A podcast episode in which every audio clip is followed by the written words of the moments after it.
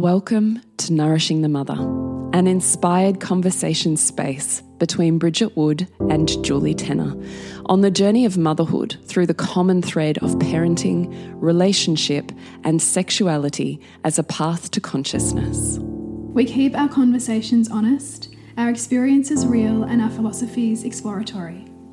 We believe that in order to raise incredible humans, we first have to raise ourselves. We know that in order to rock the family, you've got to nourish the mother.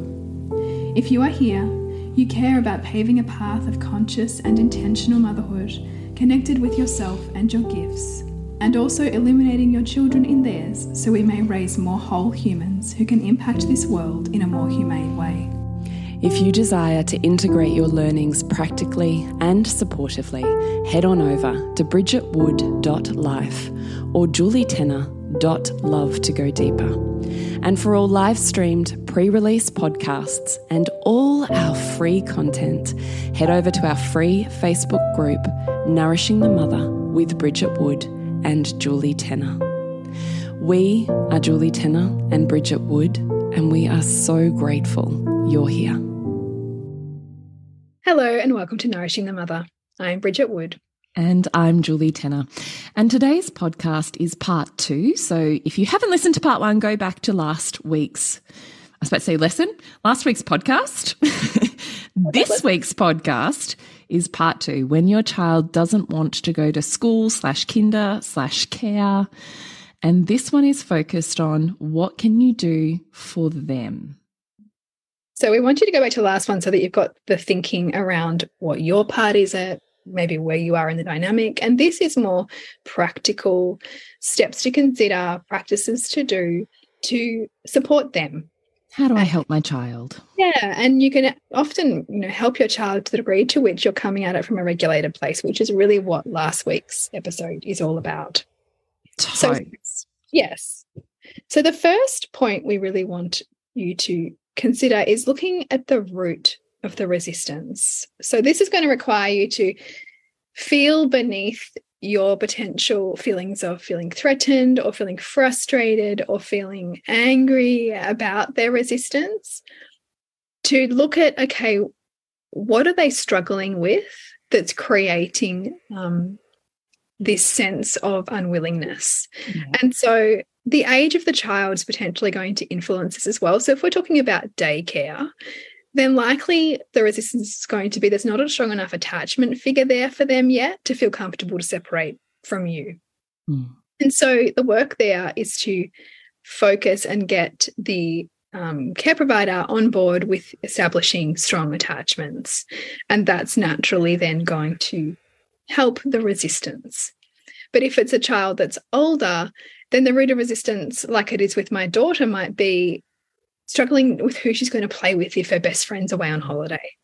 Mm. And so it's how do we then create more positive um, links for that child at school. So, you know, I'll go into a bit of story. So we were having lots of conversation last weekend when my daughter learned by surprise that her best friend was going to be away all week. And she immediately, I watched her and she immediately kind of went into some contraction and I saw this is going to be hard for her. And so we did some brainstorming around the table at dinner time. And my son offered for her to come play soccer with him. Um, it was really cute. And she was all about that. So even that night, they were playing soccer in the dark out till dark outside. And she got up, which she never does, got up, was dressed at 7 a.m. in her school clothes, like ready to play with him and ready to go to school early.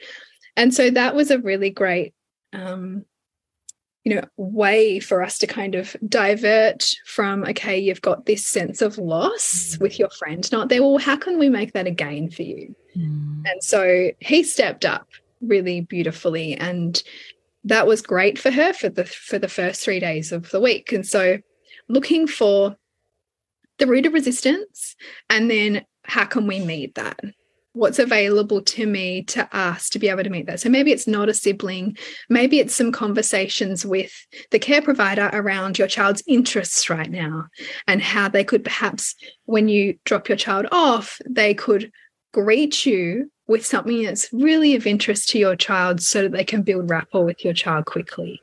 So that could be another way to to help create a smoother transition. Mm. Is there anything that you would add to that, Jules? No, well, look, I just love the conversation. And look, once again, I'm going to reflect that I often think other mothers are the ones that have the answers. They certainly, when I look back on all of my parenting journeys, it's never been a professional that's given me the best solutions ever. It's other mothers' lived experiences, which can be their own professions that they have come from, and therefore they know things I don't know. And sometimes can be their child's experience, and it can be a beautiful mix of the two. Mm. So, look, my MO is always when I'm struggling with something, I'm like, who else is struggling with this that I can ask? Because yeah. just having other lenses on something can completely transform the experience for you. Well, you and get a different vantage point, don't you? Like instead oh of sitting in isolation and thinking that there's only one way to see this, you see other people's ways in which they've dealt with it or addressed it or moved with it. And you're like, oh, actually, there are opportunities here. Yes. And even just, even if I get nothing out of their suggestion, what I have gotten is a sense of camaraderie. I'm not in this alone. Yeah. This isn't only my experience. There's mm-hmm. others that are struggling or who have gone through it. So therefore, this is a season. It's not just me specific. And often I think that's enough to keep going. Mm, yeah, because I mean, if that's really the the basis of our community and what we've created, really, is just is you're not here alone and that there's so much um, buoyancy to be found by seeing that other women are doing this too. Yeah. You, you know, a little bit like, you know, that that, that kind of um, anecdote of, you know, when you're up feeding, breastfeeding in the middle of the night with your newborn and there's all these other mothers around the world doing the same thing, you feel a little bit less alone. So mm. take whatever your struggle is and imagine on this morning, I am not the only mother mm. struggling with mm. this. Mm. Yeah. And especially, I think that's harder when you have younger kids and this is your first foray at any of it. Yes. Yes. I think that's harder when you don't already have experience on how to um, advocate or work with an education system mm. or with a healthcare system or with a yes. support system. When you don't know those things yet, it's really wise to seek out the people who have already walked that path and can connect you into it quicker. Yeah. And I think too, this kind of links back into our last week's podcast on conditioning, because if you have a, a good girl conditioning, or if you have noticed that you subordinate a lot to who you perceive are authorities and, and take their direction over your own mm. intuition or what you want to mm. advocate for, then guess what? This experience that your child's leading you toward is also leading you towards your own upskilling. And that's going to come from seeing evidence of other mothers blazing a trail. Totes. You know, like asking for their needs to be met, meeting resistance, mm. getting a no and pushing anyway. Mm. Yes. I mean, amen. How many times we could never hear that enough because I don't think we realize that the good girl conditioning will make us wait, stay mm-hmm. silent, wait to be rescued, wait mm-hmm. to be seen in my struggle enough for it to be valued, wait for a system to initiate. And in my experience, you will stay waiting. Yes. And I think too, this speaks also, if you go back and listen to our earlier podcasts on birth and pregnancy and advocating for yourself in a system, the beauty of doing that in birth mm. is that you take that skill set and you apply it to the next institution and the next system. Mm, so, oh, could there be a better skill set for women than to advocate and find their own grounded advocacy within any institutionalized system? Doesn't matter if it's a hospital, doesn't matter yeah. if it's the healthcare system, doesn't matter if it's the education system, mm -hmm. any system. And I mean, if that's not a big enough, I mean, I never had this awareness back then, but if I knew, oh, yeah, actually, empowering myself in this birth with this child is not only helping me with this birth, mm. it's helping me parent this child. Mm. It's helping me meet every mm. other system that I'm going to encounter as I parent this child. Right. And so it gives you fuel because it's never just about this. And I often say, like, when my second birth was a planned home birth and ended up in in hospital, the part of what I needed to experience was having my voice heard Mm. and speaking what I wanted without my voice shaking, like being absolutely unapologetic Mm. about what my needs were. Because that was my piece that I had to learn. I had to learn it within the system. So good. And so then, of course, the next birth was the opposite and the home birth where nobody came to except Julie and my husband. But I, um, I Which digress. was fucking epically perfect on your own terms too, right? Again, right? Because you even- went from how do I, I can't be without support and then realizing, oh shit, it's still just me trying to Yeah. find myself in the system to there is no system. It's literally just me. there's no system. It's just me. And it was like the, and that was that was the birth where I like had the literal, literal experience of rebirthing myself. Incredible. Go back and Anyway, listen let's bring it back onto this. Yes. So my point of saying that was please stop waiting. I Mhm. realize there's a degree of financial privilege when I say that. Because if I had waited for the system to instigate, for the school to see my struggle, because particularly I have a child who's autistic, she's a girl. Girls with autism are exceptionally different, same as with ADHD, to boys. Yes. It's an incredibly different um, Presentation. presentation, which means it's often much, much, much harder to diagnose girls because there's a level of conformity that the autistic brain works well with when there's predictability and routine and I know exactly what's coming next and exactly how I need to be and what I need to do in that there's a level of safety right so my child was the perfect student and yet I was at home dealing with the fallout the mm. emotions, the tears, the tantrums, the refusal, the difficulty, the struggle, but school didn't see it. That's like my story. Yeah. So if I had waited for the school to see it, she would not have the support or or make the huge leaps that she has made. That support has given her because I advocated and said, "Fuck you, I'll see you on the other side." And I- you know, I want to speak to that too because even when I handed my daughter's diagnosis to the school, they were kind of shocked as it kind of came out of left field because they hadn't seen anything, right? But typically, I think maybe a lot of things go through the school first, or you know, or your or parents wait for the school to flag something. But particularly when you're parenting in the way you're parenting when you're listening to this podcast, you're also looking at things and with a curiosity, perhaps that other people are not. And so you are sometimes asking the questions that other people aren't asking. And sometimes it feels like no one's listening. Mm. And that may be true because it's not as much of a value to them as it mm. is to you. Mm. But every edge that your child is taking you to is also about how can I not only advocate for them, but also use a voice that maybe I haven't felt strong enough or mm. capable enough to use. Yeah. Because the truth is, a school system should be able to support your child. Mm. It should be able to. And I will say, not all schools are the same. Yeah. It's true. Sometimes, legit, the school cannot support your child in the way that you need them to, and it's time for you to change schools and find one that can. Mm. And I always looked for a school that had a really strong well-being program because not all schools do. Because part of that system is at our school, and this is the privilege of a small school, is when my child is suffering or struggling, or there's a particular dynamic, particular drop off with refusal and all of the things, we can get team support on. Okay, and I see it every morning. There's a certain way that certain teachers respond to certain kids. They take that child's hand. There's a particular handover. There's a particular process that that teacher does for that child of that parent or with that parent. If Lola is struggling, we have something in place. She goes to the wellbeing hub first before she ever has to integrate into her classroom because her regulation comes first, classroom stuff comes second.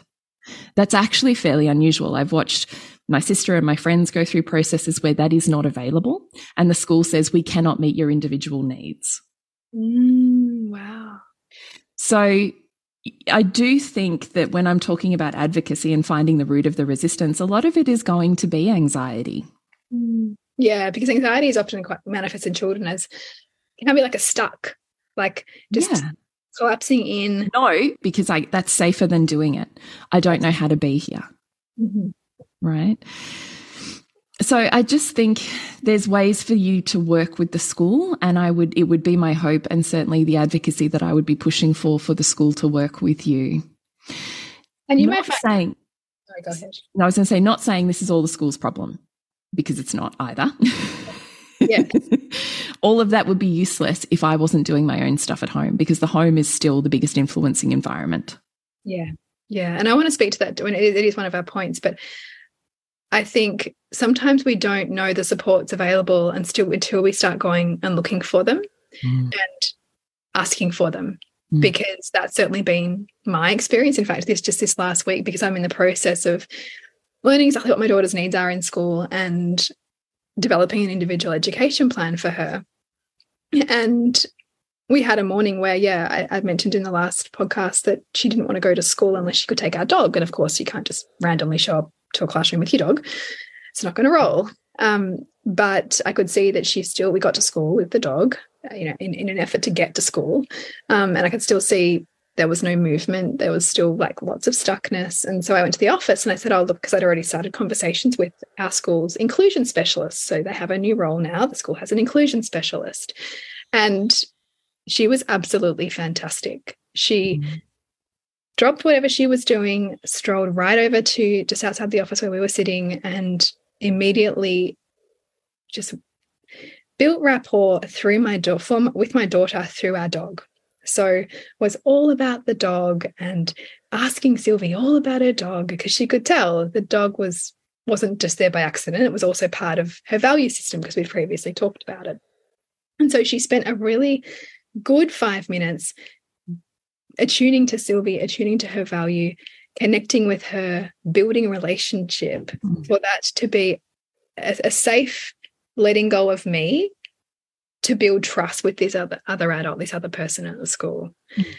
Because if we don't have that for our children, it's going to be really tricky to help them want to separate, be willing to separate, be able to separate from us. It's amazing. And so we, this lady helped us. She kind of got agreement from Sylvie to walk across to the to the classroom, and that today wouldn't be the day that we could take the dog, but another day we can work it out. And Sylvie said yes. And then she got to the classroom and then she said no, started crying. And so then this, this beautiful lady then said, Okay, Sylvie, in my office, I've got a little room and that's got a bunch of toys. Would you like to come and play with me? And she took her off, played with her for half an hour, did some puzzles. And when Sylvie was ready, she took her back to class. Mm. And she then said to me, Any of the days she's at school, let me know if we're struggling, she can help. She's also given Sylvie access to that room at lunchtimes if she needs it. So mm. I didn't know these supports were available to us until I started asking, until I actually happened to see this woman's profile in the school newsletter. That was the only way I knew the school had one, because typically you only know it if mm. your child's already mm. under additional support.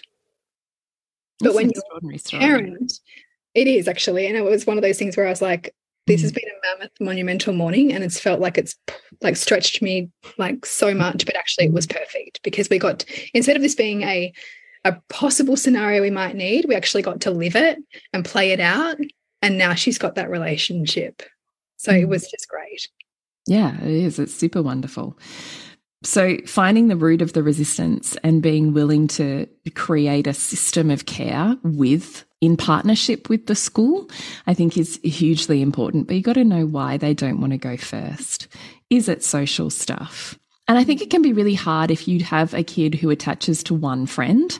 I yeah. actually think that's really that's much harder than when they're not really attached and they're floating around between many groups of friends. Yes. And, and also too, I would say like be aware that this can change. Like, because my daughter was everyone's friend last year, and then she's just gotten in. Like this year, it's been a bit more, bit more like like that's my one friend, and then I've moved from that friend, and now that's my one friend, and a, a bit mm. of that kind of like you know mm-hmm. seven year old social dynamic stuff. Mm. And so there's almost, yeah, been more fear for her around, well, if this one's not there, who am I going to yeah. play? I don't want to play what they're playing. I want to play yeah. something else. And, yeah.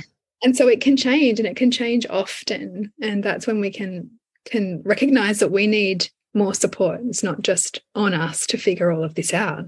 Yeah. So find the root of the resistance and meet the root, not the behavior that's saying no, because mm. it's not the reason. The behavior is just the outcome. Yeah. We want to get really clear on, on what's the tricky part so that we can start to problem solve it with them. This podcast is brought to you by what we have going on in the world. Over at julietenner.love, you will find all things Queen School and Honey Club. Queen School is your feminine energy, relationship, and magnetic communication course, which you can do on your own or in combination with Honey Club, which is all the integration and facilitation. It's me on tap in your ears, eyes, and heart to change the way that you show up and love. Honey Club is a high touch container, so depending on how you learn, you get to choose your journey. Find out more about Queen School and Honey Club at julietenner.love. And you, Bridgie? If you would like to transform the way that you feel in your mothering experience right now, perhaps you're feeling overwhelmed, a little resentful, and a little like you've lost yourself by degrees. And I really invite you to tap into Disrupt, Revealing the Mother Wound, which is a course that you can join me for and also dive into a one to one with me so we can map what that looks like in your world and get you feeling so much more fulfilled, connected to yourself and your children on the other side. Find out more at bridgetwood.life. Maybe another point you want to consider are what are your child's values that are not being met at school? Mm, yeah, so if we consider that every all of us live our life by a set of values and priorities, and that we're spontaneously inspired to do the things that are meaningful to us, and we don't have any interest or energy for the things that aren't. If your child has a particularly, you know, strong set of values in an area that they feel like school doesn't help, then it's going to be hard for them to see why they should be there. And so our role is to help them see how the classes that they're being asked to take, you know, the the games they're being asked to play in PE or you know whatever it is that we can see that they're resistant to, how is that helping them build skill? How is it helping them to learn? So, for instance, with my son who gets really, um, he'll often say, I don't want to go to school on Thursday because it's performing arts. I don't like it. And I say, and I get, I ask him questions. I'm like, how do you think spending time in performing arts helps you become aware of your body? And, and I said, and how is being aware of how your body moves important for you for basketball or important for you for the way that you hold your body on a, on a BMX bike? So, what I'm trying to do is get him to make neural pathways where there previously weren't any because he's gone performing arts, boring, not interested, not my thing, don't want to go, don't like how it feels in that class and then getting his brain to start to go, oh, actually, there are some things that if I did learn that, it could help me be better over here. And I'm really interested in being better over here. Mm. I love it. I think it's brilliant. So that's one way that I would look at it. But yeah, we but to do this again, we need to get beyond, well, they have to go to school and school's what they need. And we all have to go to school because I've got to go to work. And you've got to get below all of the noise and that mm. noise might be that kind of noise, or it might be noise based on your own story of like school's oppressive and like they make them do what they don't want to do. That's also a story that's also going to play out in your child mm-hmm. too. So notice the like the noisy narrative and get beneath that to what's your actual child's resi- like resistant point, and then what are the values that they are, you know, feeling like are not being met there. Yeah, totes. And also, can you meet them in extracurricular activities? Mm, yeah. Because they could just need more inspiration and more fun and more play in their life just to counterbalance the seriousness, which all of us need, and the burden yes. and responsibility. Sometimes we legit need to shake shit up and do more of what we love. Mm -hmm. Because that actually overflows and lets us have more capacity for what we don't love. Yeah, and it just gives us more, more, yeah, as you say, more capacity, and also too, if that's going to punctuate kind of their week, then that's going to help them kind of have the the energy to get to Wednesday because on Wednesday night they've got this on or you know maybe if it's for your child if it's a social value then maybe it's more play dates you know can you have like a you know weekly play date or can you do something that helps them look forward to their midweek and it not feel like groundhog day Totes, 100%. I totally think that's a thing. I really do. And the only other part I'm going to put into this, um, which perhaps is more reflective on high school kids, well, not even, even with my younger kids, is I actually don't make it mean anything. Mm. So when they go, I hate school. I don't want to go to school. And even my daughter Jade, who's um, in year 10 this year, she's like, Oh, mother, this is child abuse. You making me go. but what I don't do is make meaning from it. Yeah. Yeah. I just go, yeah, you poor thing. It is really hard, isn't it?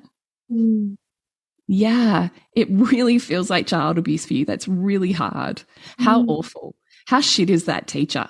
let's just have a jam session on how shit school is and how shit that teacher is and how shit that activity or that classroom or that subject is. Let's do that. Yeah. Because you know when you just want to have an emotional vent? Yeah, let them unleash. And yeah. without our parental, oh gosh, like what kind of chessboard, like chess piece do I have to move to make this work? Yeah. yeah. Just be like, team, yeah, let's jam down on how shit this is. Mm-hmm. And I mean, this speaks to the value of just like allowing them to be disappointed as well. Like, exactly. how is, you know, and it, all of us can reflect back on tough years at school, right? Like, you know, the seasons when you were bullied, the seasons when you were like crushing in on yourself and your self worth. Exactly. You still went to school, and your kid can too. Mm. But it's just how can we support them? How can we support the family? How can we recognize this is a season for us to build skills, maybe in the areas that we don't really want to and that feel sticky, like disappointment, like hurt, like crushed expectations, you know, like a really tough teacher, and see this for the learning that it is. Yeah. Because I actually find that just meeting them exactly in the emotional state they're in without any need to fix it, without any need for it to be different without any need for to be higher minded yes. is incredibly connecting. Because at the end of the day, what is going to get your kids through is their relationship with you. Yes. And to this point, that that kind of segues nicely to the point that I want to make on like some mornings you will choose your relationship over your should around getting them to school. Mm -hmm. Like so for example, like last week we had a week where we got Sylvia there four days out of the five, which was actually pretty great because she'd been sick for ages before that. Um, and I recognized I was really hitting a massive edge on my capacity to hold her, like hold space for her resistance. And I knew that if I, you know, forced her to get dressed when she was clearly really upset and wasn't coming out of it in the next five or 10 minutes, and I had gym to go to, um, that it would really undermine the quality of our relationship in a way that I didn't want. Because, of course, we've got to be playing a long game here too. If we want to create positive relationships with school over the long term, because I'm thinking now, okay, how do I need to support her now and work with her now so that in teenage years we can show up for this? Mm. It's going to have to be some days we just have to take the heat off.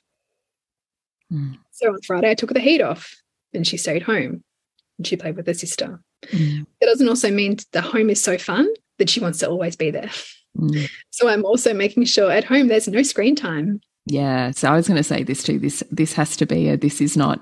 Oh, you're not at school where you can stay gaming all day. No, no. So there's no screen time. There's no of us going out for coffees and doing fun things. I've actually got work to do. So you girls are just going to need to play and entertain yourselves. And yes, of course, I'm going to feed you. But actually, you've got a whole lunchbox here. So there you go. Like it's mm. low stimulation, low like activity because I also don't want to subconsciously create the home to be much more fun and mm. pleasureful for her to be at than going to school. Mm. Which sometimes it can seem like that way because she's got a younger sister who gets to stay home and play. Mm. So just noticing, you know, also how we are um, governing it too. Totally. Yeah. 100%.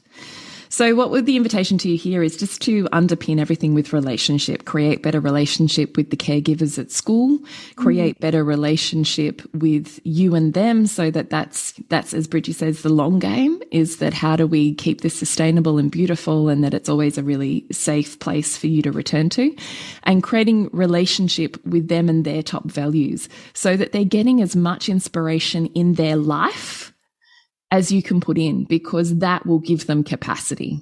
Yes, absolutely. And we all know that, like, right? Like everything we can meet challenge with with such greater ease when we're connected to ourselves, when we're feeling lit up, when we have things in our life that we're looking forward to. And the same is true for our children.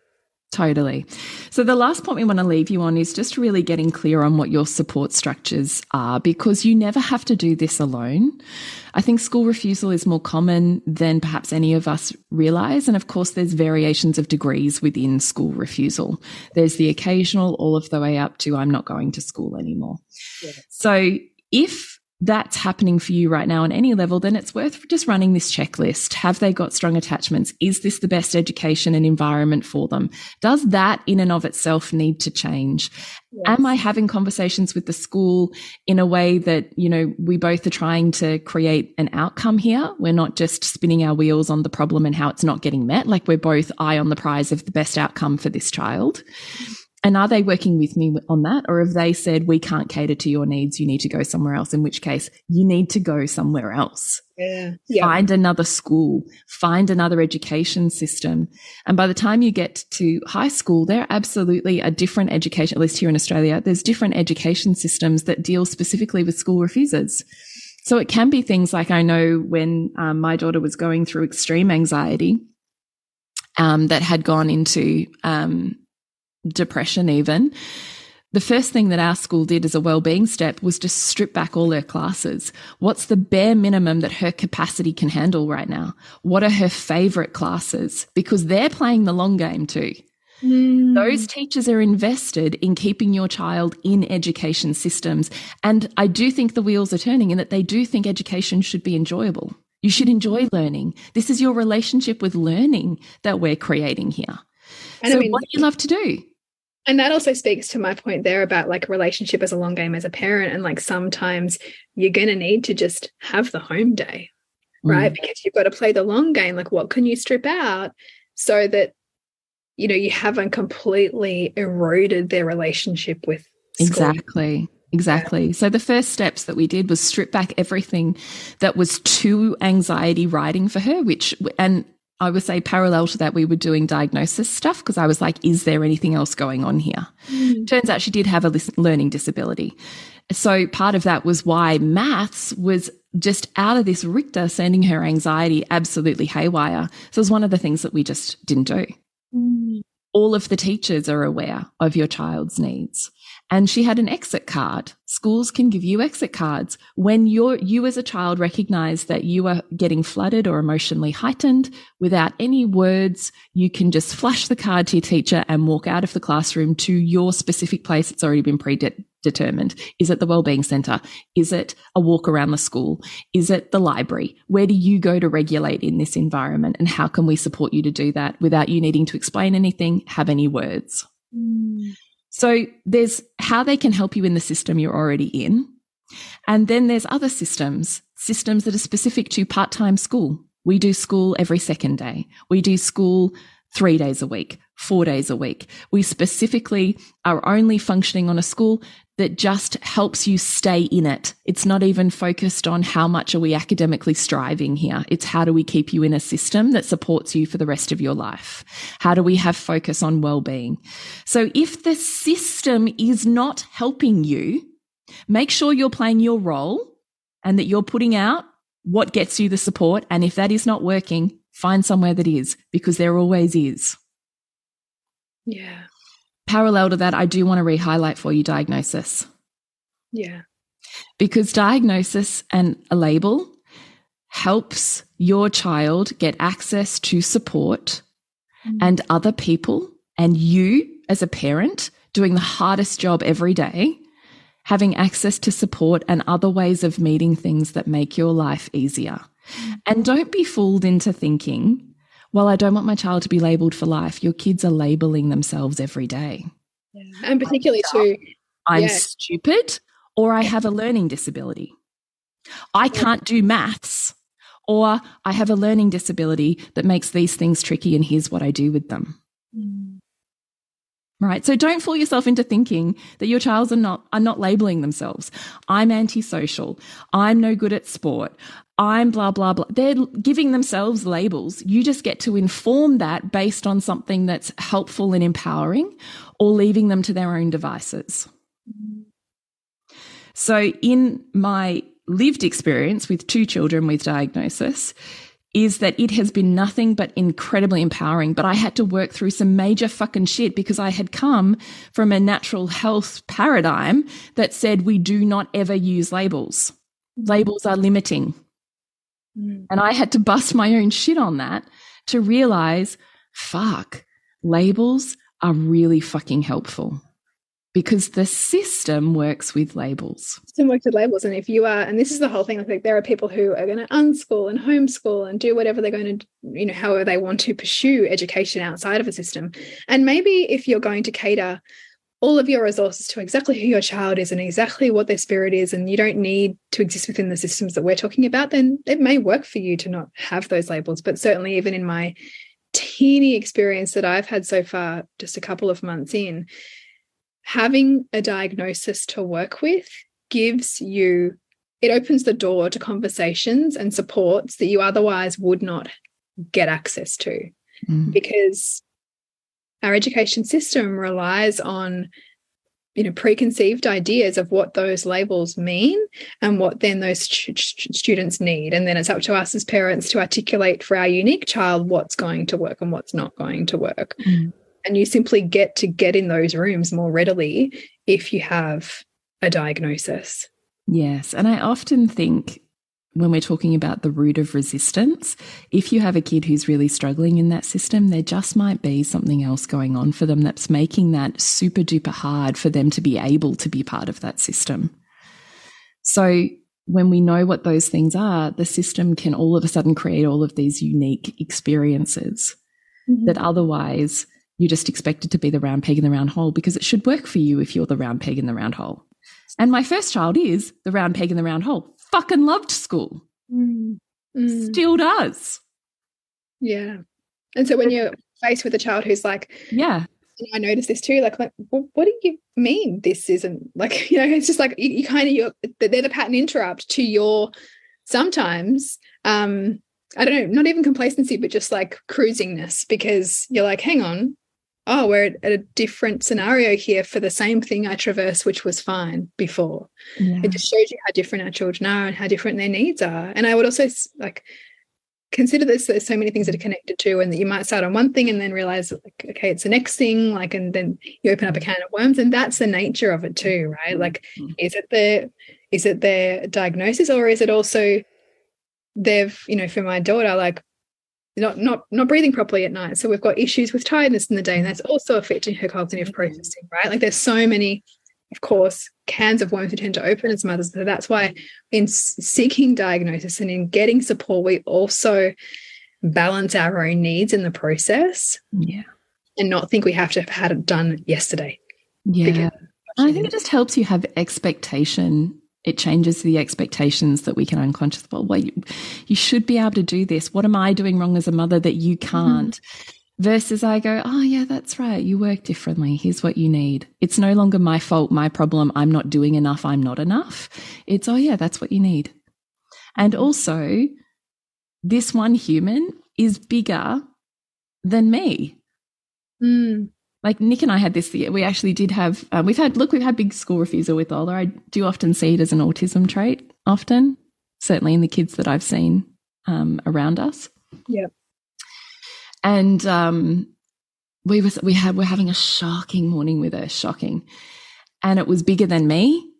I couldn't hold it all. And so, and then it would get too big for Nick. And we were just tag teaming based on who could be regulated in that moment. And she had an OT appointment and the OT is like fucking amazing. And this is where I just had such a clear, Nick and I had such a clear, almost like teary gratitude moment where she, in this moment, was bigger than what Nick and I could bring. She was bigger than what both of us could hold and bring.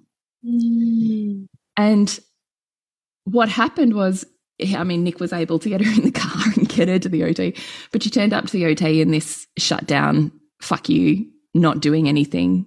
The world is the worst state. Yeah.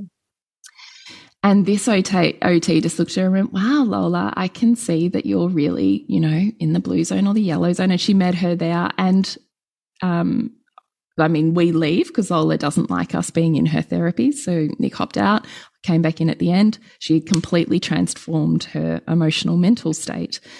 And Nick and I both went, Holy fuck, this kid is bigger than you and I. Turns out we actually need a team to raise her. And here's the village. We actually need a team because we couldn't do it. And imagine if we didn't have a team. We're so fortunate because of how fucking hard I've pushed and worked and advocated and all the shit. Future me now thanks past me. Because here we are going, holy shit, we don't have to parent her on our own anymore. There's all these people who can help make her experience better and support us in making our experience of parents not so absolutely just horrifically hard. Mm. So it was just such this beautiful reminder of it really does take a team. And sometimes our kids are bigger than any one of us individually. And I don't think that that's a flaw. And I don't think that that's a problem. Mm. I just think it really does take a community. Mm. And you can pay for that community. and that's amazing. It is. It's really powerful to think. And I, I love that, just pondering that idea like, you know, what if my child and this is bigger than me and that that's actually not a problem it's and not a problem it's never supposed it was never supposed to be just me and somehow that's what we've made it we have made it that yeah we have. And and i think the you know the nuclear family kind of setup has made it that and it's actually limiting us and it limits our children too if we think that it's supposed to be all of all, all on us. Mm, so we're just we hope at the end of this you get maybe just some soothing around yeah sometimes they are bigger than you and it never has to be just you can it be the school? Can it be the system? Can it be other professionals? Can it be other mothers? Like, who else can be your community here? Because we were never supposed to do it alone. Yeah, amen. So, how do we do more of this work with you, Bridge? You can join me in Disrupt, Revealing the Mother Wound. So, this really looks at a lot of not only your relationship with your own mother, which is an undercurrent constantly in our own parenting, um, but also with like the mother archetype and the mother as a social role and responsibility that we've been conditioned into. And then until we really bring awareness to, we don't get a sense of separation from a lot of that conditioning and actually showing up authentically as a mother and as a woman. And there's so much freedom when we can play in that space. So find out more about that at bridgetwood.life. And you, Jules? Would be Queen School and Honey Club if you're ready to get out of your head and into your body and uh, learn all of your feminine energy and relational skills, then you can come do that with me in Queen School. Find out more at julietenner.love. Remember to nourish the woman to rock the family. And we'll see you next week when we continue to peel back the layers on your mothering journey.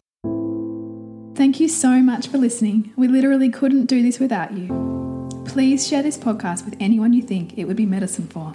If you desire to integrate your learnings practically and supportively into your life, then head on over to bridgetwood.life or julietenner.love to go deeper. And if you feel like giving back a little to this free content, please rate us on iTunes or Facebook, all of which helps the podcast reach more mamas who need this type of tonic for the soul.